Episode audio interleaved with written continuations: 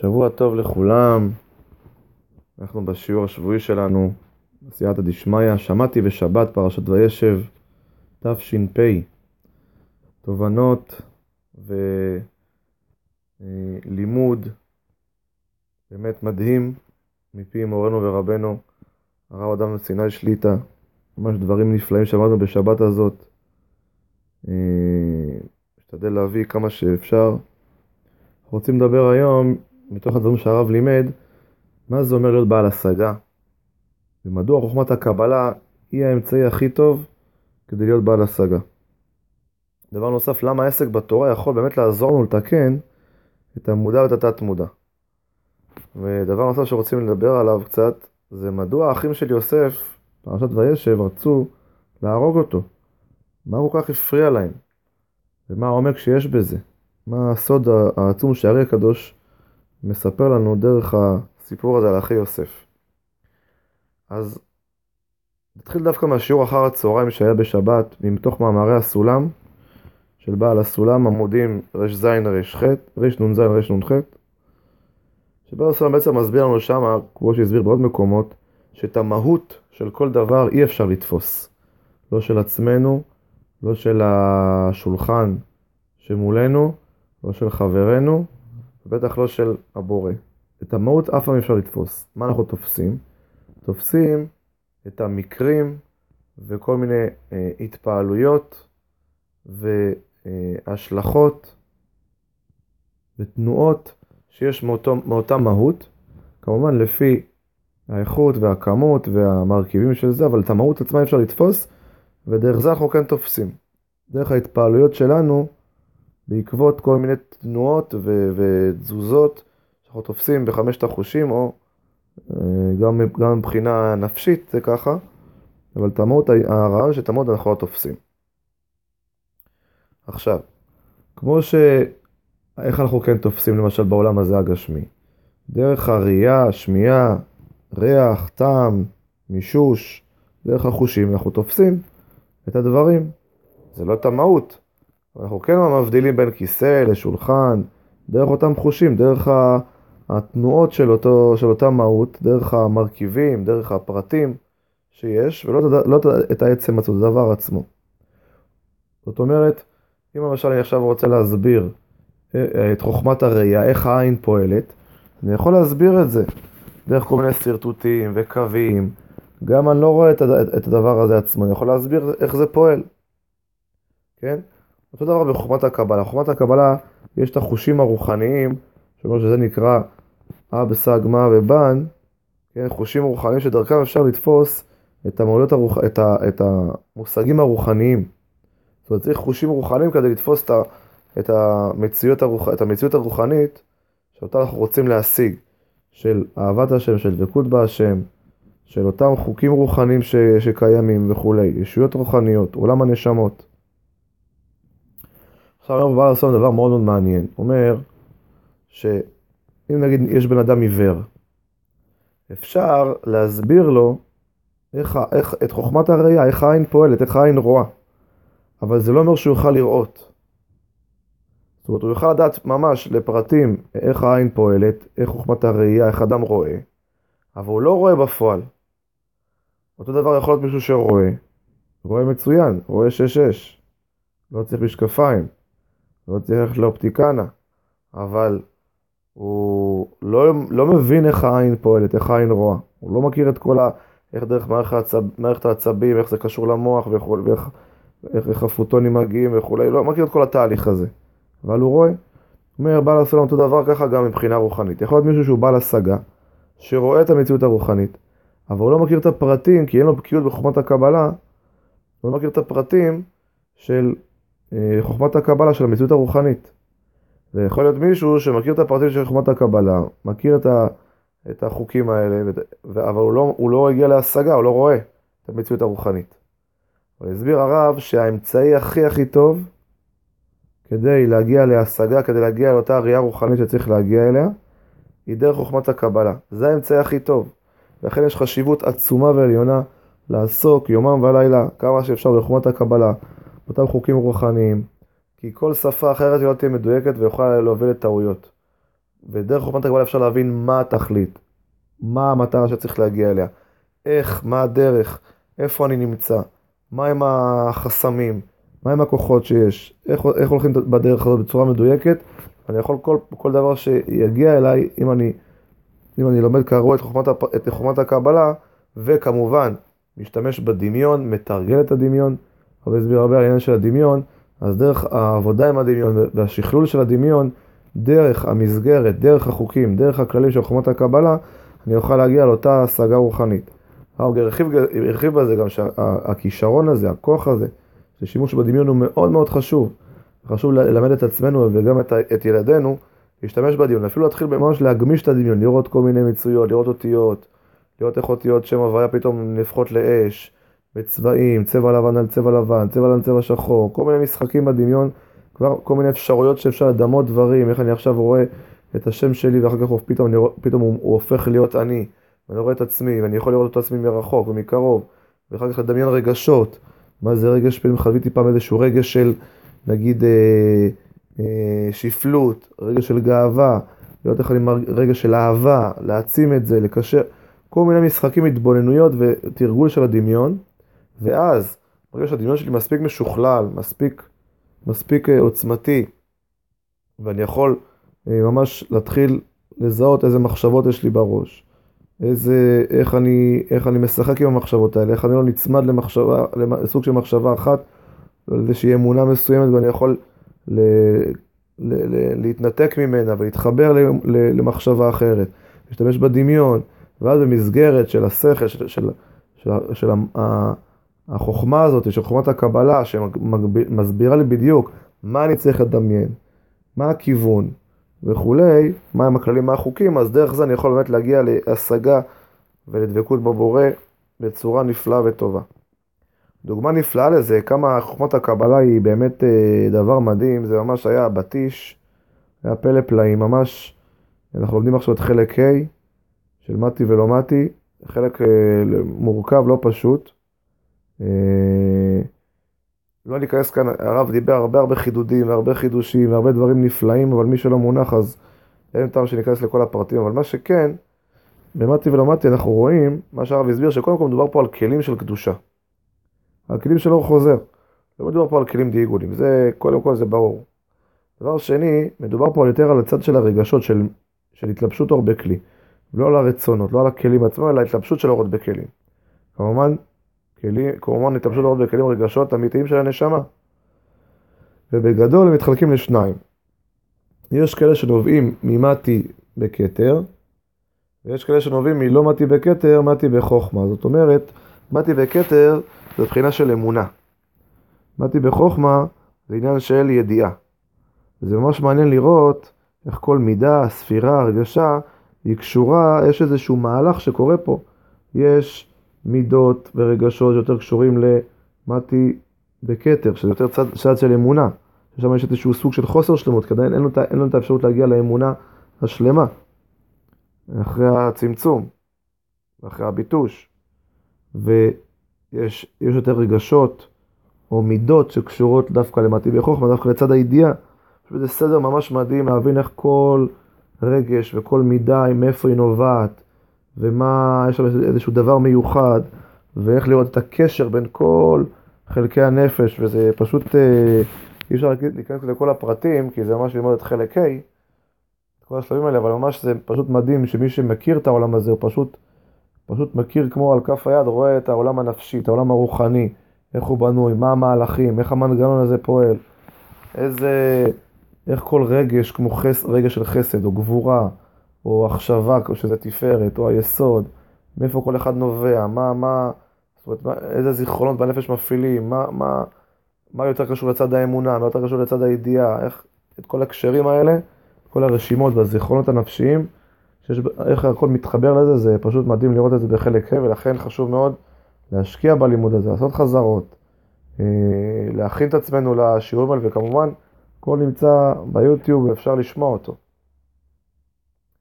אז זה לגבי הנושא הנפלא הזה של לימוד חוכמות הקבלה וכמה חשובים הפרטים האלה ואיך אנחנו מפתחים את החושים הרוחניים האלה אה, כדי לתפוס את העולם הרוחני האמיתי. בלימוד בלילה למדנו זוהר הקדוש פרשת וישב, ושם אומר לנו רבי שמעון בר יוחאי בזוהר הקדוש, שמי שעוסק בתורה, הוא זוכה לנחול גם את העולם הזה וגם את העולם הבא. הסביר הרב, שבעצם הוא זוכה לתקן גם את העולם הזה, שזה נקרא את הצד המודע שלו, וגם את העולם הבא, שזה נקרא הצד של התת מודע שלו. וזה על ידי העסק בתורה. והעסק בתורה, אדם שבאים לו הרהורים רעים, שהוא עוסק בתורה, שהוא משתדל בתורה, הוא מתחיל לחשוב בתודעה של תורה, ממילא כל ה... הוא זוכה באמונה בהשם, ביראת שמיים, ואהבת השם, ממילא כל המידות הרעות, הרגשות השליליים, כל הקליפות, הוא מסיר אותם, כי אין להם אחיזה. אין להם אחיזה, כי הם נאחזים רק בין הדבקים. רק במקום של חיסרון, במקום שאין שם את הכוח ואת המוח של התורה, ואת התודעה של התורה. שם נאחזות הקליפות. דבר נוסף גם למדנו על אשת פוטיפר, שפיתתה את יוסף. שהיא כנגד היצר הרע, הסטרא אחרא, הקליפה, שהיא בעצם אומרת לנשמה, בוא, תשכב אצלי, כן? היא רוצה זיווג, יעזור לו, איך יכול להיות שעל הקליפה רוצה זיווג עם הקדושה. איך להיות שהקדוש ברוך הוא נותן לך את המציאות של זיווג, כן, הקדוש ברוך הוא זה כנגד יוסף, שהוא הצדיק, הצדיק זה נקרא הקדוש ברוך הוא היסוד. איך יש לו בכלל קשר לקליפה? מסביר הזוהר הקדוש, שבעצם הקדוש ברוך הוא נותן רשות לסטרא אחרא, נותן לה ממשלה, תן לה קשר לקדושה, כי להיות ממשלה, כדי לדחוף את לאזן אותו ולדחוף אותו, שיתחבר לדרך של תורה. כי הדרך הכי טובה זה להתחבר בדרך של תורה, בדרך של לימוד ועשייה ומצוות, וגמילות חסדים ותפילה וכל המדדים והמרכיבים של הקדושה. אבל כשאדם לא פועל את זה, אז יש קליפה, שזה בעצם כל הרגשות השליליים, ואותם עיוותי חשיבה ומלכודות חשיבה שאדם נמצא, שגורמים לו לכל הכעסים וה, והעצבים והדיכאונות והחרדות והגאווה והתאוות, ואז אדם סובל. ואז הקליפה יש לה בעצם רשות לדחוף את האדם חזרה, שיתעורר, לחזור בתשובה ולנסות להבין, רגע, איפה פגמתי, איפה אני חושב לא נכון, איפה אני מפרש את המציאות לא נכון, איפה אני חסר אמונה בתורה ובדרכי הקדושה. אז ככה הקליפה דוחפת אותנו להגיע למקום של קדושה. כמובן שצריך את הקליפה הזאת. כי אנחנו, אנחנו פועלים, אנחנו עדיין לא, הפרי אצלנו לא בשל. הפרי שזה להגיע ללשמה ולהיות בהשגה של דבקות בהשם ואהבת השם ואהבת הזולת, אנחנו לא שם. לא מתוקנים במידות, לא מתוקנים במחשבות, לא מתוקנים בדמיונות שלנו, ולכן הקליפה הזאת היא שומרת על הפרי. ברגע שהפרי יהיה מתוקן, לא צריך יותר את הקליפה. הקליפה כרגע דוחפת אותנו שנעשה עבודה. ו- וזה בעצם נועד להזיז אותנו אה, ממקומנו. נגיד בן אדם הוא עצוב. עצוב כי, לא יודע, כי אה, הוא שטף, שטף כלים וחצי מהכלים נשברו לו, או גנבו לו את הארנק, או שהוא לא הגיע בזמן ללימוד, אז הוא מאוד מאוד מצטער מזה ומתוסכל מזה. אז זה צד של קליפה. קליפה דוחפת אותו שיתעורר, שיכאב לו, שהוא יעשה, יעשה להתבונן ולהבין למה צורת המחשבה שלו ככה, ואיך הוא יעשה את העבודה כדי להסיר את הקליפות האלה, ואיך לתקן. כדי להגיע באמת לאמונה בהשם, ליראת שמיים, להתגבר על העצלות, להתגבר על כל המידות הרעות, להגיע לאהבת הזולת ודבקות בהשם. ככה הקליפה עוזרת לנו ומקדמת אותנו. וככה הקדוש ברוך הוא פועל, מאמן אותנו. בלימוד מתוך, ה... מתוך... בלימוד מתוך ספר הליקוטים שהיה לפני התפילה, אז זה היה ממש לימוד מדהים של הארי הקדוש, שהסביר שיוסף הוא בחינת הצדיק, בחינת היסוד. מהיסוד, יוסף הצדיק, ממנו מגיעות כל התולדות. אלה תולדות יעקב ויוסף. יוסף הוא קו אמצעי, כנגד היסוד הוא, הוא המשך של יעקב, שהוא גם כנגד תפארת, כנגד קו אמצעי. וכל התולדות בעצם, וההמשכיות מגיעה מיוסף, שהוא בעצם מקשר את כל הספירות למלכות, לשכינה הקדושה. ויוסף נמכר בגיל 17, יוסף בן 17 שנה, 17 זה גימטרי הטוב, שטוב זה גם בחינה של הצדיק, טוב זה נקרא בחינה של יסוד של צדיק, כמו שכתוב, ראו צדיק כי טוב. ויוסף מייצג בעצם את הברית. מה זאת הברית הזאת? ברית זה דבר מאוד מאוד חשוב, הסביר הרב. ברית זאת מחויבות. מחויבות. עכשיו, יש מחויבות שמחויבות טכנית ומחויבות נפשית. יש ביסוד גם את הצד של החסד, גם את הצד של הגבורה. אם נרצה לקחת את המושג טכנית אה, למקום יותר רוחני, יותר אה, מעבר לזמן במקום, הכוונה של גבולות. יש צד של החסד, של ההתחברות, של ההשתלבות, של הנתינה, של ההשפעה, ויש צד של הגבורה, של ההתגברות, של הגבולות, שבשניהם צריך איזושהי מחויבות פנימית לדבר הזה. עכשיו, האחים, וככה גם זה קורה לנו, חשבו, אמרו ככה, רגע, מאברהם אבינו, כן, יצא את יצחק, אבל גם יצא קליפה, שזה ישמעאל, מעשו, יצא את יעקב, אה, מיצחק, סליחה, יצא את יעקב, אבל גם יצא את עשו שהוא קליפה. מיעקב יצאו האחים, יצא גם את יוסף. יוסף הוא האחרון, יצא, אז הוא הקליפה. הוא הצד של הקליפה שיצא, מה, הוא הסיגים שיצאו מיעקב, כי מכל מקום יש סיגים. לא ידעו שיעקב הוא בחיר האבות, ומיתתו שלמה, זאת אומרת כל צאצאיו הם קדושים וטהורים. ולכן הם רצו להרוג את יוסף, לא רצו להתחבר אליו. מה עוד? שהמציאות של האדם, זאת אומרת הרב הסביר את זה באדם אחד, ש, שאת המחויבות, את המחויבות, זה שאדם יש לו מחויבות למסגרת, לפעולות, לצורת מחשבה, פועל אותם גם אם לא מרגיש, גם הוא לא מבין, גם אין לו הסכמה פנימית לזה, הוא פועל מתוך מחויבות, בא לי, לא בא לי. האדם, כשיש בתוכו, יש בתוכנו איזשהו עומק כזה נפשי, שהוא הנקודה יותר עליונה, יותר פנימית, נקודת הבחירה. אדם רוצה לפעול את הדברים מתוך הסכמה פנימית, מתוך בחירה, מתוך התחברות נפשית, לא מתוך מחויבות חיצונית. וברגע שהמחויבות הזאת היא, היא גורמת למיאוס אצל האדם, אם הוא לא בוחר בזה. הם לא רצו במחויבות הזאת, ראו אותה כדבר פסול, כדבר פגום. כי הם אומרים, לא, אנחנו רוצים לפעול מתוך בחירה, מתוך, כמו שהבורא פועל מתוך בחירה, לא מתוך איזשהו דבר חיצוני, מחויבות חיצונית. אבל המצב המתוקן הוא שרק דרך המחויבות הזו, דרך הברית, אפשר באמת להגיע לדרגות האלה של יראה ואמונה ואהבה. והסדר הוא כזה, קודם כל מתחילים מהשקפה, כן? נגיד השקפה צריך לקום כל יום בחצות לילה, השקפה צריך לאהוב את החברים שלי באהבת אהבת נפש, באהבה רוחנית. אחר כך צריך לעשות ברית עם ההשקפה, עם ההחלטה הזאת. ברית זאת אומרת, אני מתחיל עכשיו לקום לישון בזמן, אה, לקום בזמן, אני עכשיו מתחיל לעשות פעולות של חסד בצורה, בצורה קבועה וללמוד על זה, על אהבת חברים ואיך לפעול את זה, גם אם מתחשק לי, גם אם לא מתחשק לי, כי בטוח הקליפה תנסה להסיט אותי. ויש לי מחויבות. אבל המחויבות הזאת, אם היא תעמוד רק מצד עצמה, רק מחויבות, ואני אפעל את הדברים מתוך איזשהו הכרח עצמי, מתוך, מתוך כפייה, וצריך לפעול מתוך כפייה עצמית, כי יצר רע הוא מתנגד לזה. צריך לפעול מתוך כוח, אבל אם זה יהיה רק מתוך כוח, כמו שיש קפיץ שאני דוחק אותו, ואז עוזב אותו, ובעצם ההדחקה הזאת רק תגרום לי למיאוס יותר גדול, ולהשתלטות של הקליפה בצורה יותר, כאילו חיסרון מאוד מאוד גדול, השתלטות של הקליפה. אז אני צריך לפעול מתוך מחויבות, לא כמו שהאחים רצו לזרוק את המחויבות לבור ולהרוג אותה, אבל צריך, המחויבות צריך גם שתהיה בחירה במחויבות הזאת. אני צריך לבחור במחויבות הזאת ולהמשיך את המחויבות מתוך בחירה. וזה נקרא יראה. אחרי הברית מגיעה יראה, שאת הערך הזה אני צריך להעצים אותו בעיניי. להגיע לאיזושהי הסכמה פנימית לערך הזה של, של לימוד לילה בחצות, של לקום בזמן, של לאהוב את החבר, של להיות בענווה וכולי וכולי, כן?